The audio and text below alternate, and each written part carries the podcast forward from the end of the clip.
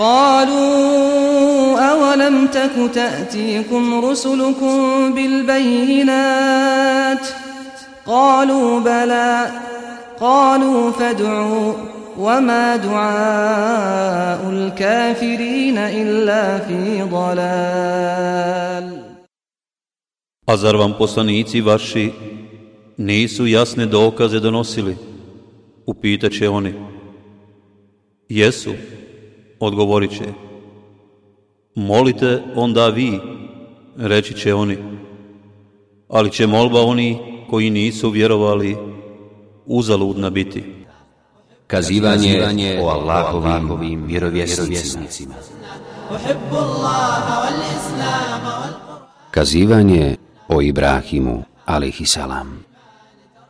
Kur'ansko kazivanje o Ibrahimu, alaihissalam, spomenuto je u surama El-Bekare, Al-Imran, El-En'am, Merijem, Taha, El-Anbiya, El-Shuara, El-Ankebut, Es Safat i Fussilet.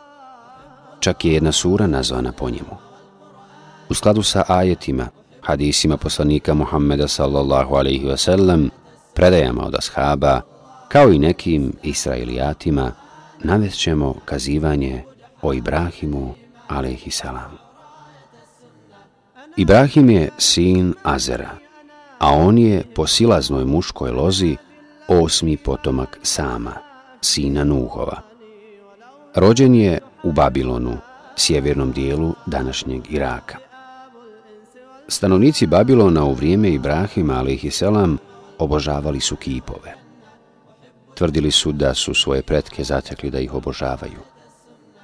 Allah uzvišen je Ibrahimu a.s. još u djetinstvu dao razboritost, tako da nikada nije obožavao nekog ili nešto mimo Allaha uzvišenog. A kada je odrastao, učinio ga je poslanikom i uzeo sebi za miljenika. Nakon što ga je Allah uzvišeni učinio poslanikom, odmah je svoga oca pozvao na pravi put. I bilo je najpreče da se iskrenim savjetom prvo obrati svome ocu. Ibrahim a.s. ga je pozivao najblažim riječima i na najljepši način. Objasnio mu je ništavnost njegovih kipova i to da oni niti čuju molbu obožavaoca, niti vide gdje se on nalazi, niti mogu išta koristiti, dati bilo kakvo dobro, na faku ili pomoć. Zatim mu je objasnio da mu je Allah uzvišeni dao uputu i korisno znanje, iako je mlađi od njega.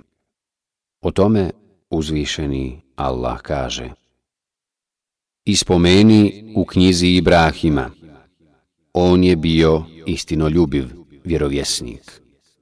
Kada je rekao svome ocu, Oče, zašto obožavaš ono što niti čuje, niti vidi, niti ti može išta koristiti?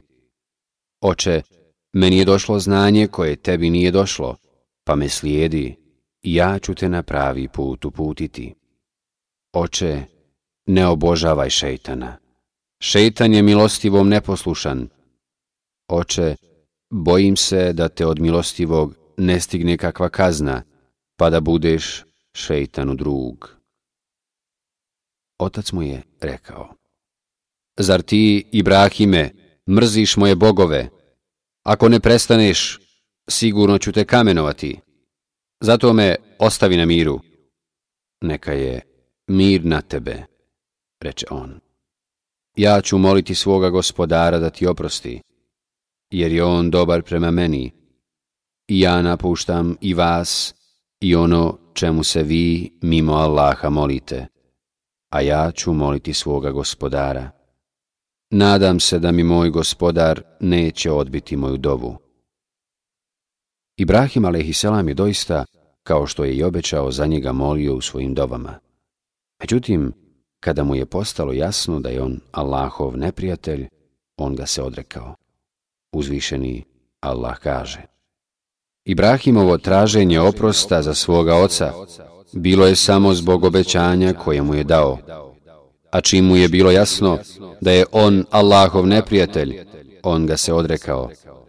Ibrahim je doista bio pun sažaljenja i milostiv. Nakon pozivanja svoga oca vjerovanju u Allaha uzvišenog, jedinog Boga, pozivao je i svoj narod tome.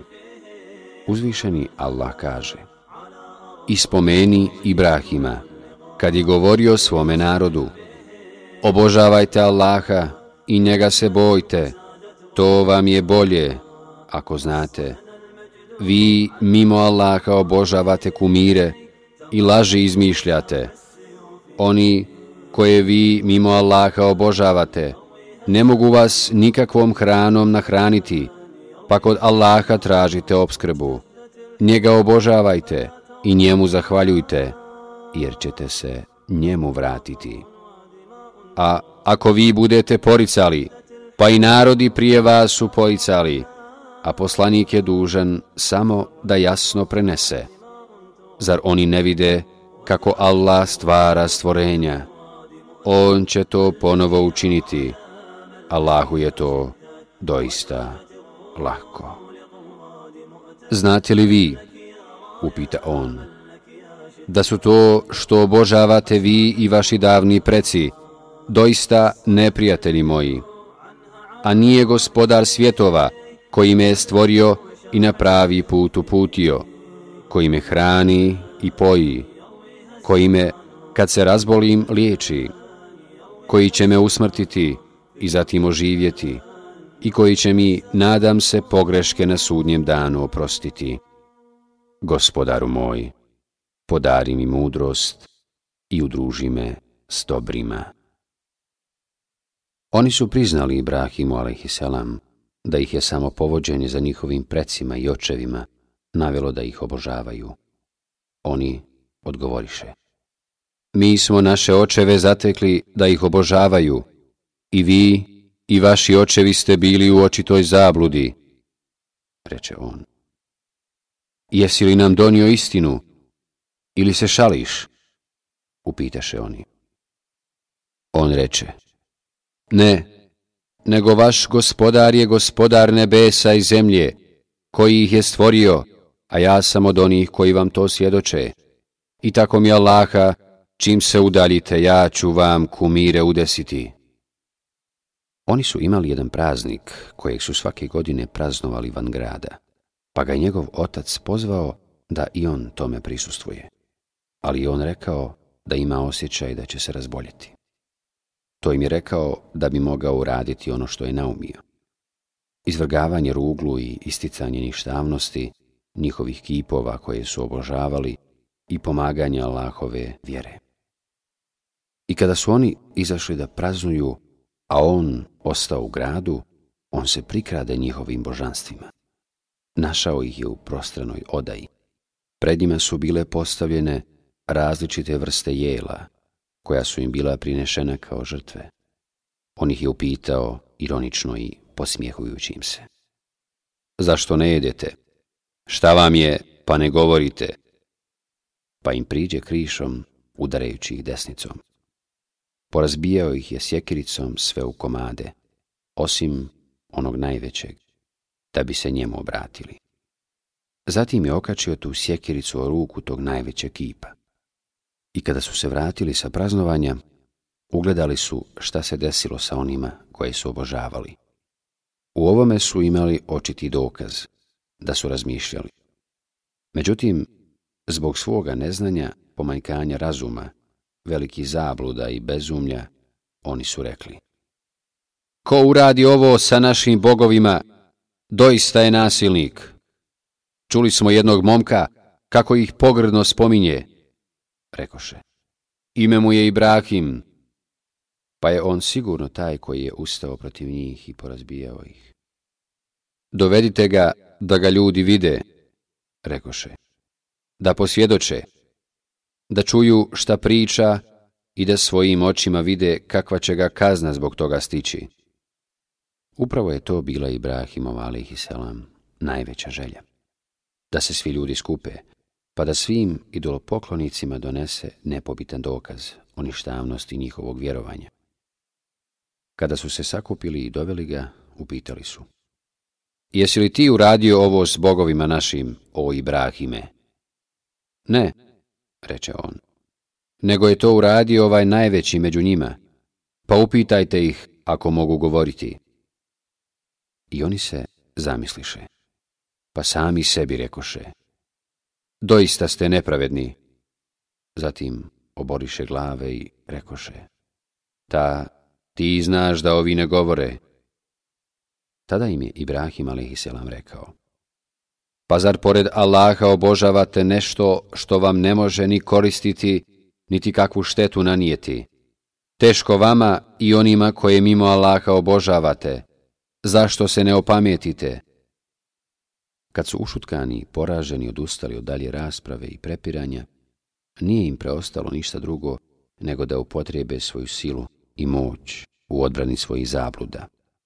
Oni rekoše, spalite ga i vaše bogove osvetite, ako ćete šta činiti. Počeli su sa svih strana sakupljati i donositi drva. Zatim su ta drva stavili u jednu ogromnu ograđenu rupu i tu potpalili vatru.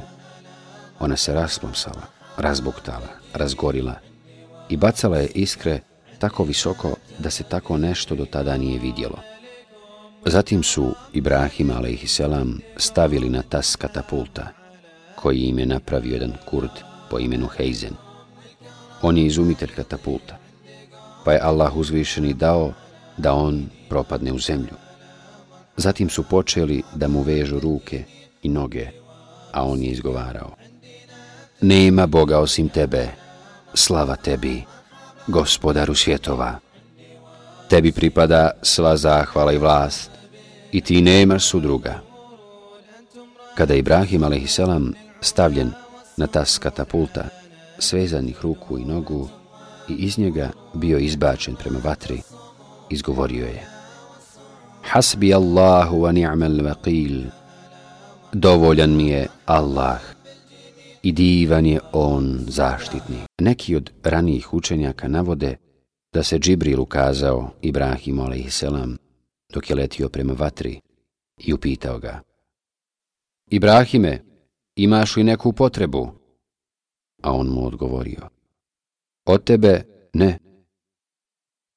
Od Ibn Abbasa radijallahu an se prenosi da je rekao Melek koji je zadužen za kišu počeo je govoriti kad će mi biti naređeno pa da spustim kišu?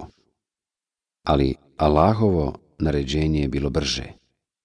Uzvišeni Allah je rekao, Vatro, budi hladna i spasonosna, Ibrahimu. Ibn Abbas radijallahu an kaže, da Allah nije rekao i spasonosna, smrzao bi se Ibrahim od njene hladnoće. Ibrahimu a.s. vatra nije čak ni odjeću zapalila. Jedino mu je spalila poveze kojima je bio svezan, ali mu ruke ne oprži. Neki od ranijih učenjaka navode da je Ibrahim a.s. 40 ili 50 dana bio u vatri i da je poslije govorio Nisam doživio ljepše dane i noći od onih u vatri. Uzvišeni Allah kaže i htjedoše da ga na muke stave, ali mi njih učinismo poniženim.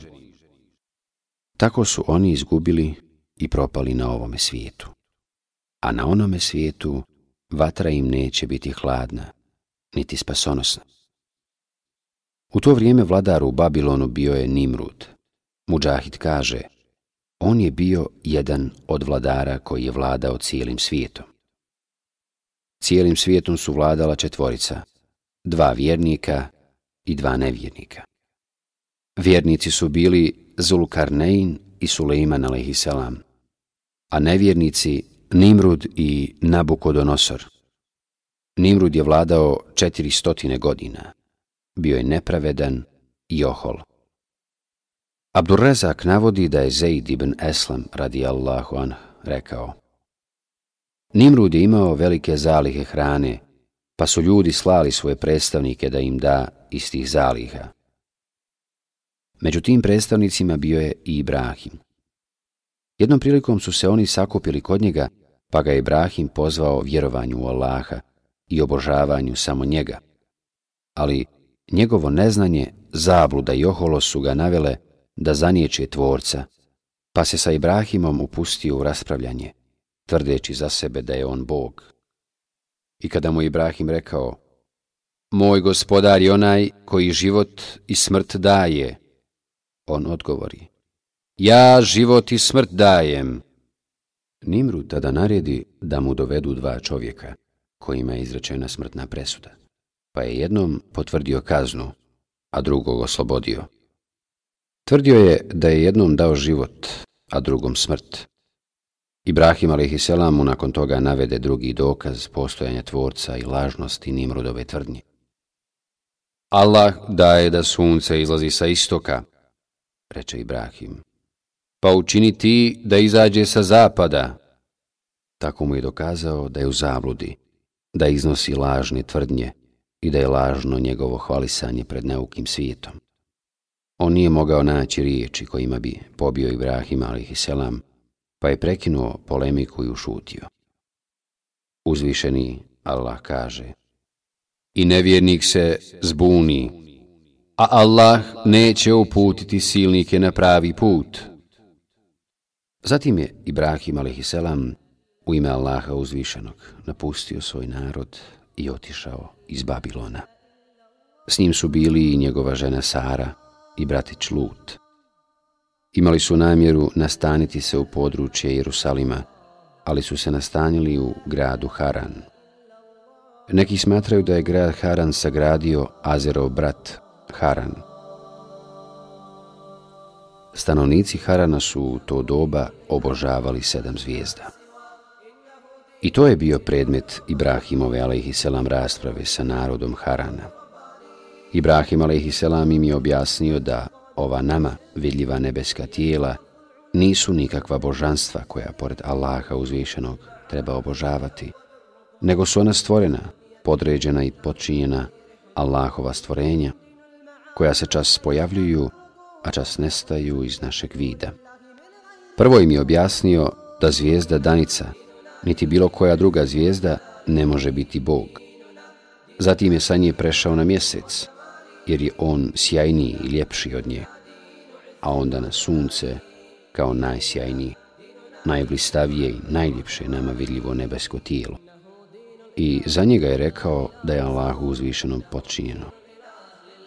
Uzvišeni Allah kaže, kada nastupi noć, on ugleda zvijezdu i reče, ovo je moj gospodar. A pošto zađe, reče, ne volim one koji zalaze, A kada ugleda mjesec, kako izlazi, reče, ovo je moj gospodar.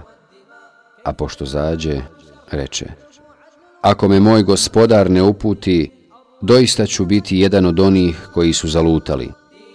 A kad ugleda sunce, kako izlazi, reče, ovo je moj gospodar, ovo je najveće.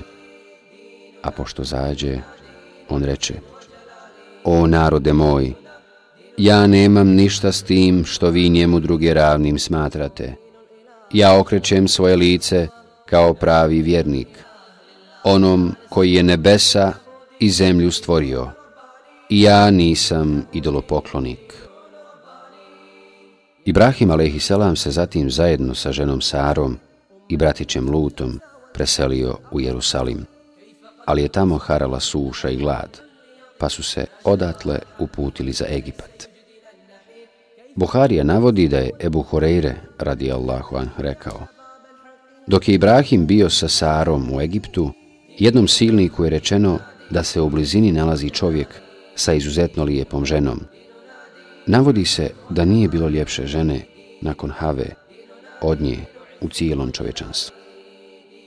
On pošalje po njega i upita ga za nju. Ko ti je ona? A on odgovori da mu je sestra, misleći na to da mu je sestra povjeri. Zatim dođe Sari i reče joj, Saro, ovaj me je pitao za tebe, a ja sam mu rekao da si mi sestra, pa to nemoj poreći. Silnik pošalje po nju. Kada je ona došla kod njega, on pruži ruku prema njoj, ali se paralizira, pa joj reče, Zamoli Allaha da mi ovo otkloni, pa ti neću ništa učiniti. Ona zamoli Allaha, pa on ozdravi. Međutim, on odmah pođe prema njoj kao i prvi put, ili još požudnije, pa se desi isto. On opet reče, zamoli Allaha da mi ovo otkloni, pa ti neću ništa učiniti. Ona uputi Allahu dovu, pa on ponovo ozdravi, on zatim pozva svoje sluge i reče im, Niste mi doveli ljudsko biće, nego šeitana. I silnik joj pokloni robinju Hadžeru. Kada se vratila Ibrahimu, zatekla ga je u namazu, na kijamu, pa je on i šaretom upita. Šta se desilo? Ona odgovori. Allah je odbio spletku nevjernikovu, pa mi je poklonio Hadžeru za sluškinju. Neki alimi smatraju da su tri žene bile poslanici. Sara, Musaova mati i Merijem. Neka je na njih mir i spas. Međutim, većina islamskih učenjaka smatra da su one bile samo iskrene vjernice, siddiqat. Neka je Allah s njima zadovoljan. Zatim se Ibrahim a.s. sa svojom čeljadi iz Egipta vratio u Jerusalim, goneći sa sobom mnogo stoke, robova i imetka. U njegovoj pratnji bila je i egipatska koptkinja, Hadžera. Nakon što je Ibrahim a.s. u Jerusalimu proveo 20 godina, Sara mu je rekla Gospodar mi je uskratio djecu, pa živi i sa ovom mojom robinjom, Hadžerom, ne bi li ti Allah od nje podario dijete? Ibrahim a.s. je i s njom počeo živjeti, pa je zatrudnila. Hadžera se tada umislila i prema Sari osilila. Zbog toga je Sara postala ljubomorna, pa se požalila Ibrahimu a.s. On joj je rekao, radi s njom šta hoćeš. Kada je Hadžera rodila Ismaila, Sarina ljubomora se još više povećala, pa je zatražila od Ibrahima a.s. da je udalji od nje. Ibrahimu a.s. je tada bilo 86 godina, 13 godina prije rođenja Ishaka. Buharija navodi da je Ibn Abbas radijallahu an rekao Zatim je Ibrahim poveo nju i Ismaila, koga je još dojila, i ostavio ih kod današnje Kaabe pod jednim velikim drvetom, iznad današnjeg zemzema. Tada Meka nije bila nastanjena i tu nije bilo vode. On ih je tu ostavio. A pored njih je stavio torbu sa datulama i mješinu u kojoj je bila voda. Ibrahim a.s. se zatim okrenuo i pošao nazad, a Ismailova majka je pošla za njim i upitala ga. Ibrahime, kuda ideš i ostavljaš nas u ovoj dolini u kojoj nema žive duše, niti ičeg drugog? Upitala ga je to više puta, ali se on nije okretao prema njoj. Pa mu je rekla, je li ti to Allah naredio? Da, odgovorio je. Ona je na to rekla. U tom slučaju nećemo biti izgubljeni. I vratila se nazad. Ibrahim a.s. se udaljavao sve dok nije došao do jednog prevoja gdje ga nisu mogli vidjeti. Tu se okrenuo prema mjestu današnje kabe, podigao ruke i zamolio ovim riječima. Gospodaru naš, neke svoje potomke sam naselio u dolini u kojoj se ništa ne sije, kod tvoga časnog hrama, da bi, gospodaru naš, obavljali namaz. Zato daj da srca ljudi teže njima i obskrbi ih plodovima, da bi bili zahvalni. Ismailova majka je dojela Ismaila i pila tu vodu. Kada je u mješini nestalo vode i kada je vidjela kako se njen sin previja od žeđi, okrenula se prema Safi, najbližem brežuljku, pa se popjela na njega. S njega se okrenula prema dolini, ne bili koga ugledala, ali nije vidjela nikoga. Zatim se spustila sa Safe i kada je stigla na sredinu doline, zadigla je rub svoje haljine i potrčala kako čovjek u nevolji trči. Dok nije prešla dolinu i došla do Merve, pa se popila i na nju. I odatle je pogledala ne bili koga vidjela, ali nije vidjela nikoga. To rastojanje između Safe i Merve prešla je sedam puta. Ibn Abbas, radi Allahu anh, navodi da je poslanik sallallahu alaihi wasallam rekao Zato ljudi trče između Safe i Merve, to jest čine saj. Kad se zadnji put popila na Mervu, čula je neki glas, pa sama sebi rekla Šuti. Zatim je osluhnula i ponovo čula neki glas, pa rekla Čula sam te, pa možeš li mi pomoći? U tom momentu ugledala je Meleka na mjestu gdje je zemzem, kako kopa svojom nogom ili krilom, dok se nije pojavila voda. Ona je počela zagrađivati vodu i grabiti je u mješinu. Svaki put kada bi zahvatila, voda bi šiknula. Kada se napila vode i podojila dijete, Melek joj je rekao Nemoj se bojati da ćete biti upropašteni. Na ovom mjestu bit će Allahov hram, Kaaba, koji će sagraditi ovaj dječak i njegov otac. Allah neće dozvoliti da budu upropašteni oni koji su mu poslušni. Tako je bilo sve dok pored njih nije naišla jedna grupa iz plemena Džurhum. Oni su ocijeli u podnožju Meke i ugledali jednu pticu kako kruži, pa su rekli. Ova ptica sigurno kruži iznad vode. Mi odavno poznajemo ovu dolinu i u njoj nema vode. Poslali su dvojicu ljudi da im to provjere. Kada su se vratili, ispričali su im šta su tamo zatekli, pa su se svi uputili tamo. Ismailovu majku su našli pored vode, pa su ju pitali. Hoćeš li nam dozvoliti da se kod tebe nastanimo? Hoću, rekla je. Ali nemate puno prava na vodu. Oni su rekli. Dobro, to je Ismailovoj majci dobrodošlo, jer nije voljela samoću. Oni su se tu nastanili i poslali po svoje porodice, koje su se smjestile s njima, tako da su tu podigli kuće. Ibrahim a.s. je povremeno odlazi u Meku da nadzire svoga sina, a zatim bi se vraćao u Jerusalim.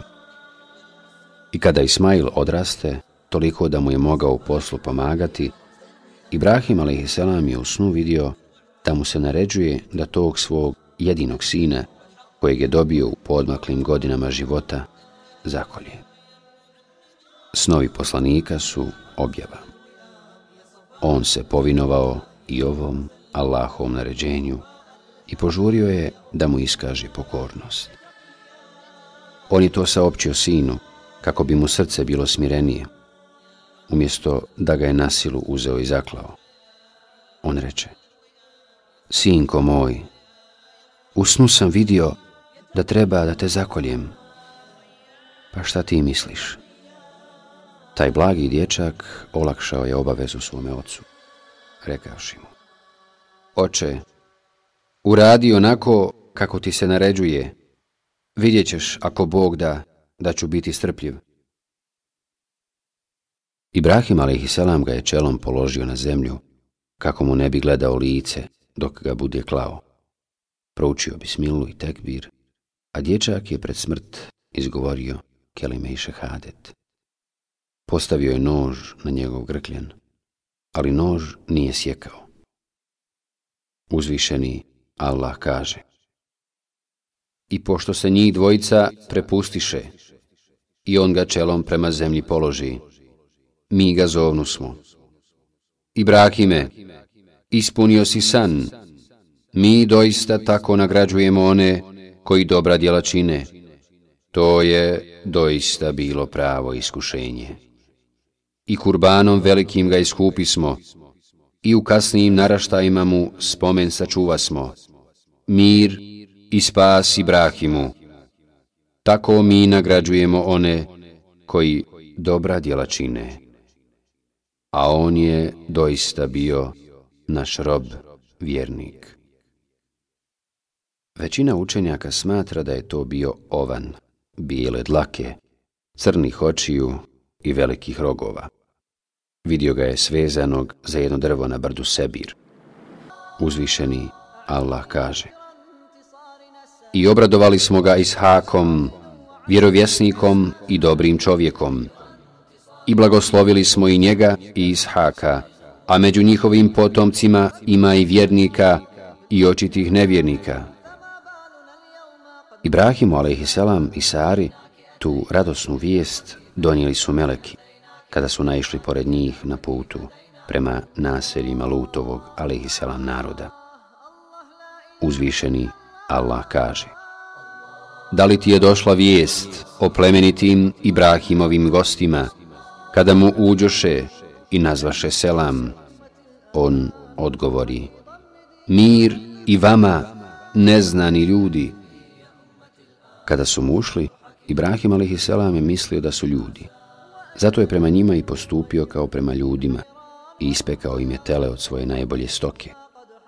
Kada ga je stavio pred njih i ponudio da jedu, kod njih uopće nije primijetio bilo kakvu želju za jelom. To se njemu nije svidjelo i obuzeo ga je strah od njih.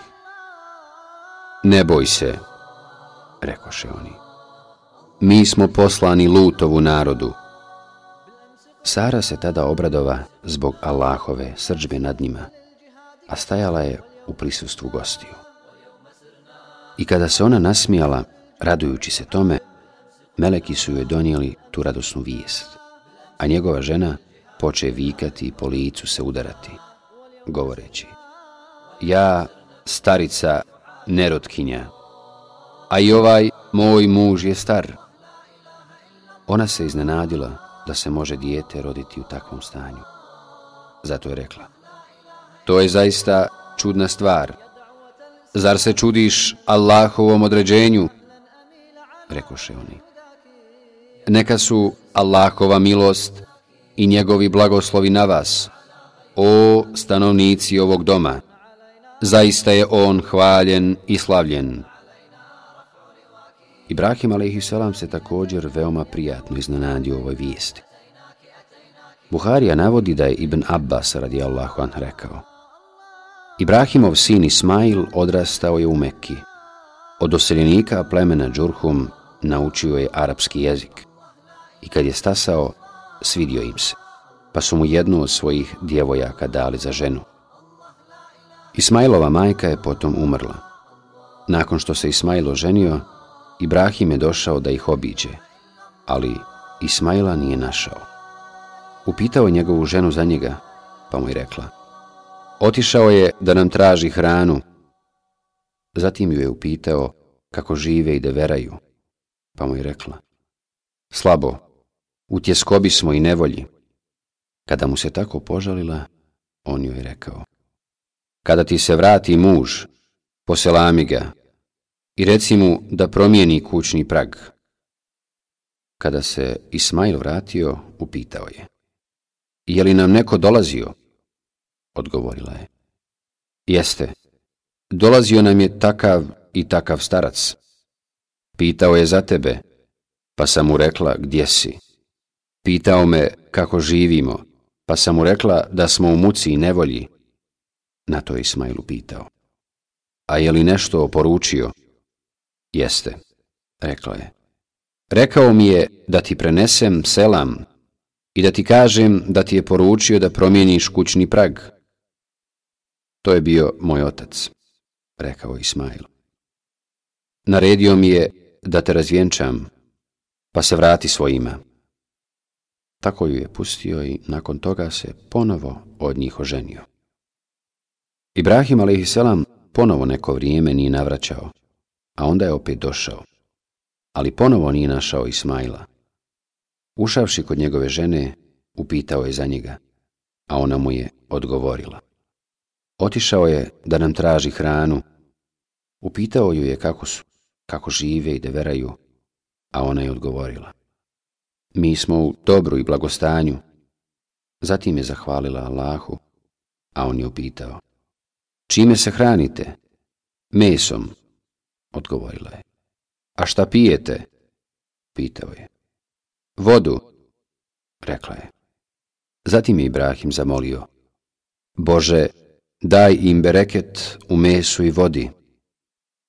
Na kraju joj je rekao, kada ti dođe muž, poselami ga i reci mu da učvrsti kućni prag. Kada Ismail došao, upitao je. Je li nam neko dolazio? Jeste, odgovorila je. Dolazio nam je jedan starac lijepog izgleda. Pitao je za tebe, pa sam mu rekla gdje si. Zatim me je pitao kako živimo, pa sam mu rekla da živimo u dobru. A da li ti je nešto oporučio? Pitao je. Jeste, poselamio te je i naredio ti je da učvrstiš kućni prag, odgovorila je. To je bio moj otac, rekao je. A ti si prag, pa mi je naredio da te zadržim.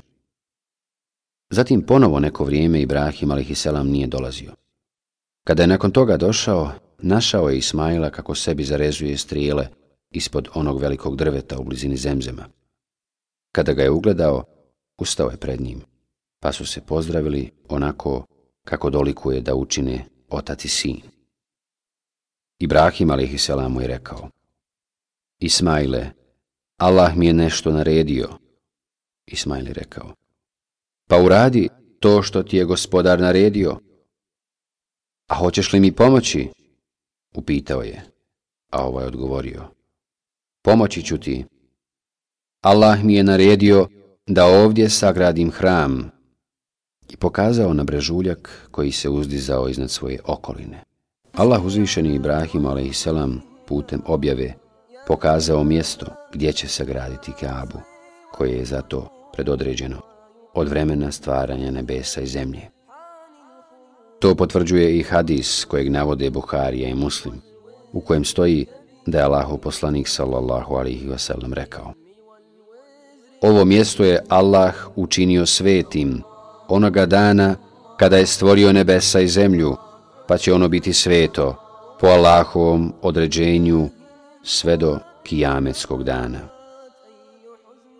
Kaaba se nalazi ispod nebeskog hrama El Beitul Ma'mur, tako da kad bi se otisnuo kamen sa El Beitul Ma'mura, pao bi na Kaabu.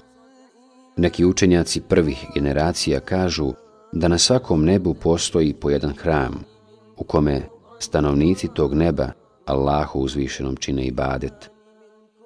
Ti hramovi za stanovnike nebesa predstavljaju isto što i Kaaba za stanovnike zemlje.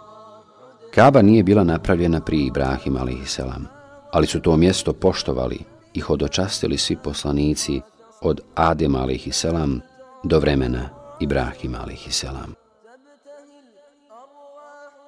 Uzvišeni Allah kaže I dok su Ibrahim i Ismail temelje hrama podizali, oni su molili. Gospodaru naš, primi od nas, jer ti u istinu sve čuješ i sve znaš. Gospodaru naš, učini nas dvojicu tebi odanim i porod naš neka bude odan tebi i pokaži nam obrede naše i oprosti nam, jer ti primaš pokajanje i samilostan si.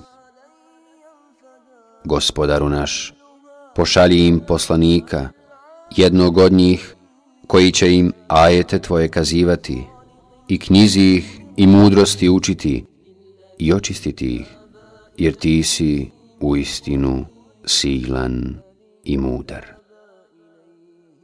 Allah uzvišeni mu je uslišao ovu dovu, pa je od njegovih potomaka poslao poslanika Muhammeda sallallahu alihi wasallam i njime okončao slanja poslanika i upotpunio vjeru i dao mu što nije dao nikome prije njega. Njegovom misijom je obuhvatio sve ljude na zemlji, bez obzira na njihovu rasu, jezik ili osobine, u svim mjestima i u svim vremenima sve do sudnjeg dana. To je jedna od odlika koje nisu imali drugi poslanici. Allah uzvišeni ga je time odlikovao zbog njegove plemenitosti, potpunosti vjere kojoj je pozivao njegovog razgovjetnog govora, njegove ogromne milosti, blagosti i samilosti prema svojim sljedbenicima, zbog njegovog plemenitog roda i porijekla i vrijednosti mjesta porijekla. Ibrahim a.s. je također molio Gospodaru moj, učini ovo mjesto sigurnim gradom a obskrbi plodovima one njegove stanovnike koji budu u Allaha i onaj svijet vjerovali. Allah uzvišeni mu je uslišao i ovu dovu i podario mu ono što je tražio. Tako uzvišeni Allah kaže. Zar ne vide da smo hram svetim i bezbjednim učinili, dok se svuda okolo njih otima i pljačka?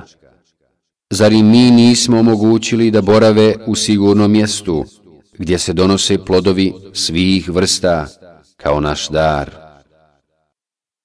Kada su izgradili temelje i počeli zidati ugao na kojim je danas El Hadjerul Eswed, crni kamen, Ibrahim a.s. je rekao Ismailu, Sinko, potraži mi jedan lijep kamen da ga ugradim ovdje. Oče, rekao je, ja sam umoran. Ibrahim mu je rekao, ako je tako, onda se udalji i odmori. Tada mu je Džibril donio crni kamen iz Indije, koji je tada bio bijele boje. Adem a.s. ga je takvog donio iz dženneta, ali je pocrnio zbog ljudskih grijeha. Kada je Ismail donio jedan drugi kamen i ugledao ovaj na uglu Kaabe, upitao je. Oče, ko ti ovo donio? Ibrahim je odgovorio. Onaj ko je marljiviji od tebe. Ismail je donosio kamenje, a Ibrahim a.s. je zidao sve dok građevina nije poodmakla u visinu. Tada mu je Ismail donio jedan kamen i postavio ga, pa je Ibrahim a.s. stao na njega i njegove plemenite noge su utonule u taj kamen, pa je ostao otisak njegovih bosih stopala. Uzvišeni Allah kaže Prvi hram koji je sagrađen za ljude je zaista onaj u Mekki. Blagoslovljen je on i uputa svjetovima. U njemu su očiti znakovi, mjesto na kom je stajao Ibrahim. I onaj ko uđe u njega, bit će bezbjedan. Hodočastiti hram Allaha radi, dužan je svako ko može do njega doći. A onaj ko neće da vjeruje, pa zaista Allah nije ovisan o svjetovima. Ovaj kamen je od starih vremena pa sve do vremena Omera ibn al-Hataba radijallahu anh bio u zid Kabe. Kada ga je on od nje malo odmakao, kako klanjači kod njega ne bi ometali one koji čine tawaf. I tako Ibrahim a.s. zidao, a Ismail mu je dodavao kamenje. Uzvišeni Allah kaže – I kada smo kao utočište Ibrahimu pokazali mjesto gdje je hram, rekli smo, ne smatraj nama nikoga ravnim i očisti ovaj moj hram za one koji će ga obilaziti, klanjati i ruku i seždu činiti. I oglasi ljudima hađ, dolazit će pješke i na kamilama iznurenim i dolazit će iz dalekih mjesta. Kaba je dugo postojala onakva kako je Ibrahim a.s. sagradio. Zatim su je Kurejšije renovirali i skratili sa sjeverne strane u odnosu na Ibrahimove a.s. temelje. Ona je takva i danas. Buharija i Muslim prenose od Aiše radijallahu anha da je Allahu poslanik sallallahu alihi wasallam jednom prilikom rekao Zar nisi primijetila da je tvoj narod Kaabu prilikom njenog obnavljanja skratio u odnosu na Ibrahimove temelje. Rekla sam, Allaho poslaniće, zar i nećeš vratiti na temelje Ibrahimove? On je rekao, da tvoj narod sve donedavno nije bio nevjernički, to bih učinio. U jednoj drugoj verziji stoji, da tvoj narod nije donedavno bio u neznaboštvu, spustio bih joj vrata niže prema zemlji. A Hidžr, to jest dio, koji je prema Ibrahimovoj gradnji bio dio Kabe, učinio bi sastavnim dijelom Kabe. Abdullah ibn Zubeir, radi Allahu an, je u vrijeme svoje vladavine sagradio Kabu onakvu kako ju je Allahu poslanik sallallahu alihi veselem opisao iz vremena Ibrahima a.s. Ali ju je halifa Abdumelik ibn Mervan, nakon što je ubijen Ibn Zubeir radijallahu anh, 73. godine po Hidžri, vratio u pređašnje stanje, misleći da je to Ibn Zubeir radijallahu anh učinio po svom nahođenju. Tako je Kaaba ostala sve do danas. Uzvišeni Allah na mnogo mjesta u Kur'anu spominje Ibrahim a.s. On objašnjava da je Ibrahim a.s. bio sljedbenik prave Allahove vjere Islama i negira svaku mogućnost da je bio jevrej, kršćanin ili idolopoklonik. Allah uzvišeni ovim pobija tvrdnje jevreja i kršćana da je Ibrahim a.s. bio njihove vjere. Pravdajući ga od ovakvih tvrdnji i pokazujući njihovo veliko neznanje i maloumnost, jer su i Tevrat i Inđil objavljeni nakon njega. Uzvišeni Allah kaže O sljedbenici knjige, zašto se o Ibrahimu prepirete, kad su i Tevrat i Inđil objavljeni nakon njega? Zar ne shvaćate? Eto, vi raspravljate onome o čemu nešto i znate, ali zašto raspravljate o onome o čemu ništa ne znate? Allah zna, a vi ne znate. Ibrahim nije bio ni jevrej, ni kršćanin, nego je bio pravi musliman. On nije bio idolopoklonik. Ibrahimu su najbliži oni ljudi koji su ga slijedili, ovaj poslanik i vjernici, a Allah je zaštitnik vjernika. Ibrahim a.s. je jedan od petorice najodebranijih poslanika, Ulul Azm, čija su imena posebno, mimo drugih poslanika, navedena u sljedeća dva ajeta. I kad smo od vjerovjesnika zavjet uzeli, i od tebe, i od Nuha, i od Ibrahima, i od Musa, i od Isa, sina Merjemina, mi smo od njih čvrst zavjet uzeli, On vam propisuje u vjeri ono što je propisao Nuhu i ono što objavljujemo tebi i ono što smo propisali Ibrahimu i Musau i Isau. Pravu vjeru provodite i u njoj se ne razilazite. Ibrahim a.s. je znao i vjerovao u Allahovu moć oživljavanja mrtvih, bez imalo sumnje, ali je poželio to vidjeti svojim očima i preći iz stupnja znanja i vjerovanja u nešto na njegova viđenja. Allah uzvišen je udovoljio njegovoj molbi i u potpunosti mu ispunio ono što je želio. Uzvišeni Allah kaže I kada Ibrahim reče Gospodaru moj, pokaži mi kako oživljuješ mrtve. Zar ne vjeruješ? Upita on. Vjerujem, odgovori on. Ali bih da mi se srce smiri. Uzmi četiri ptice, reče on, i sjeci ih. Zatim stavi na svako brdo po jedan njihov dio, pa ih pozovi. Brzo će ti doći. Znaj da je Allah silan i mudar. Uzvišeni Allah također kaže. Ibrahim je zaista bio primjer čestitosti. Pokoran Allahu, pravi vjernik i nije bio idolopoklonik. Bio je zahvalan na njegovim blagodatima. On ga je odabrao i uputio na pravi put. Mi smo mu dali dobro na ovome svijetu, a i na onome će zaista biti jedan od dobrih. Poslije smo tebi objavili – slijedi vjeru Ibrahimovu, pravu vjeru. On nije bio idolopoklonik. Učenjaci kažu, on je izvršavao sve što mu je bilo naređeno i praktično sve do usitnice primjenjivao sve propise vjere. Vodeći računa da izvršavajući krupne obaveze ne zaboravi ni na one sitne.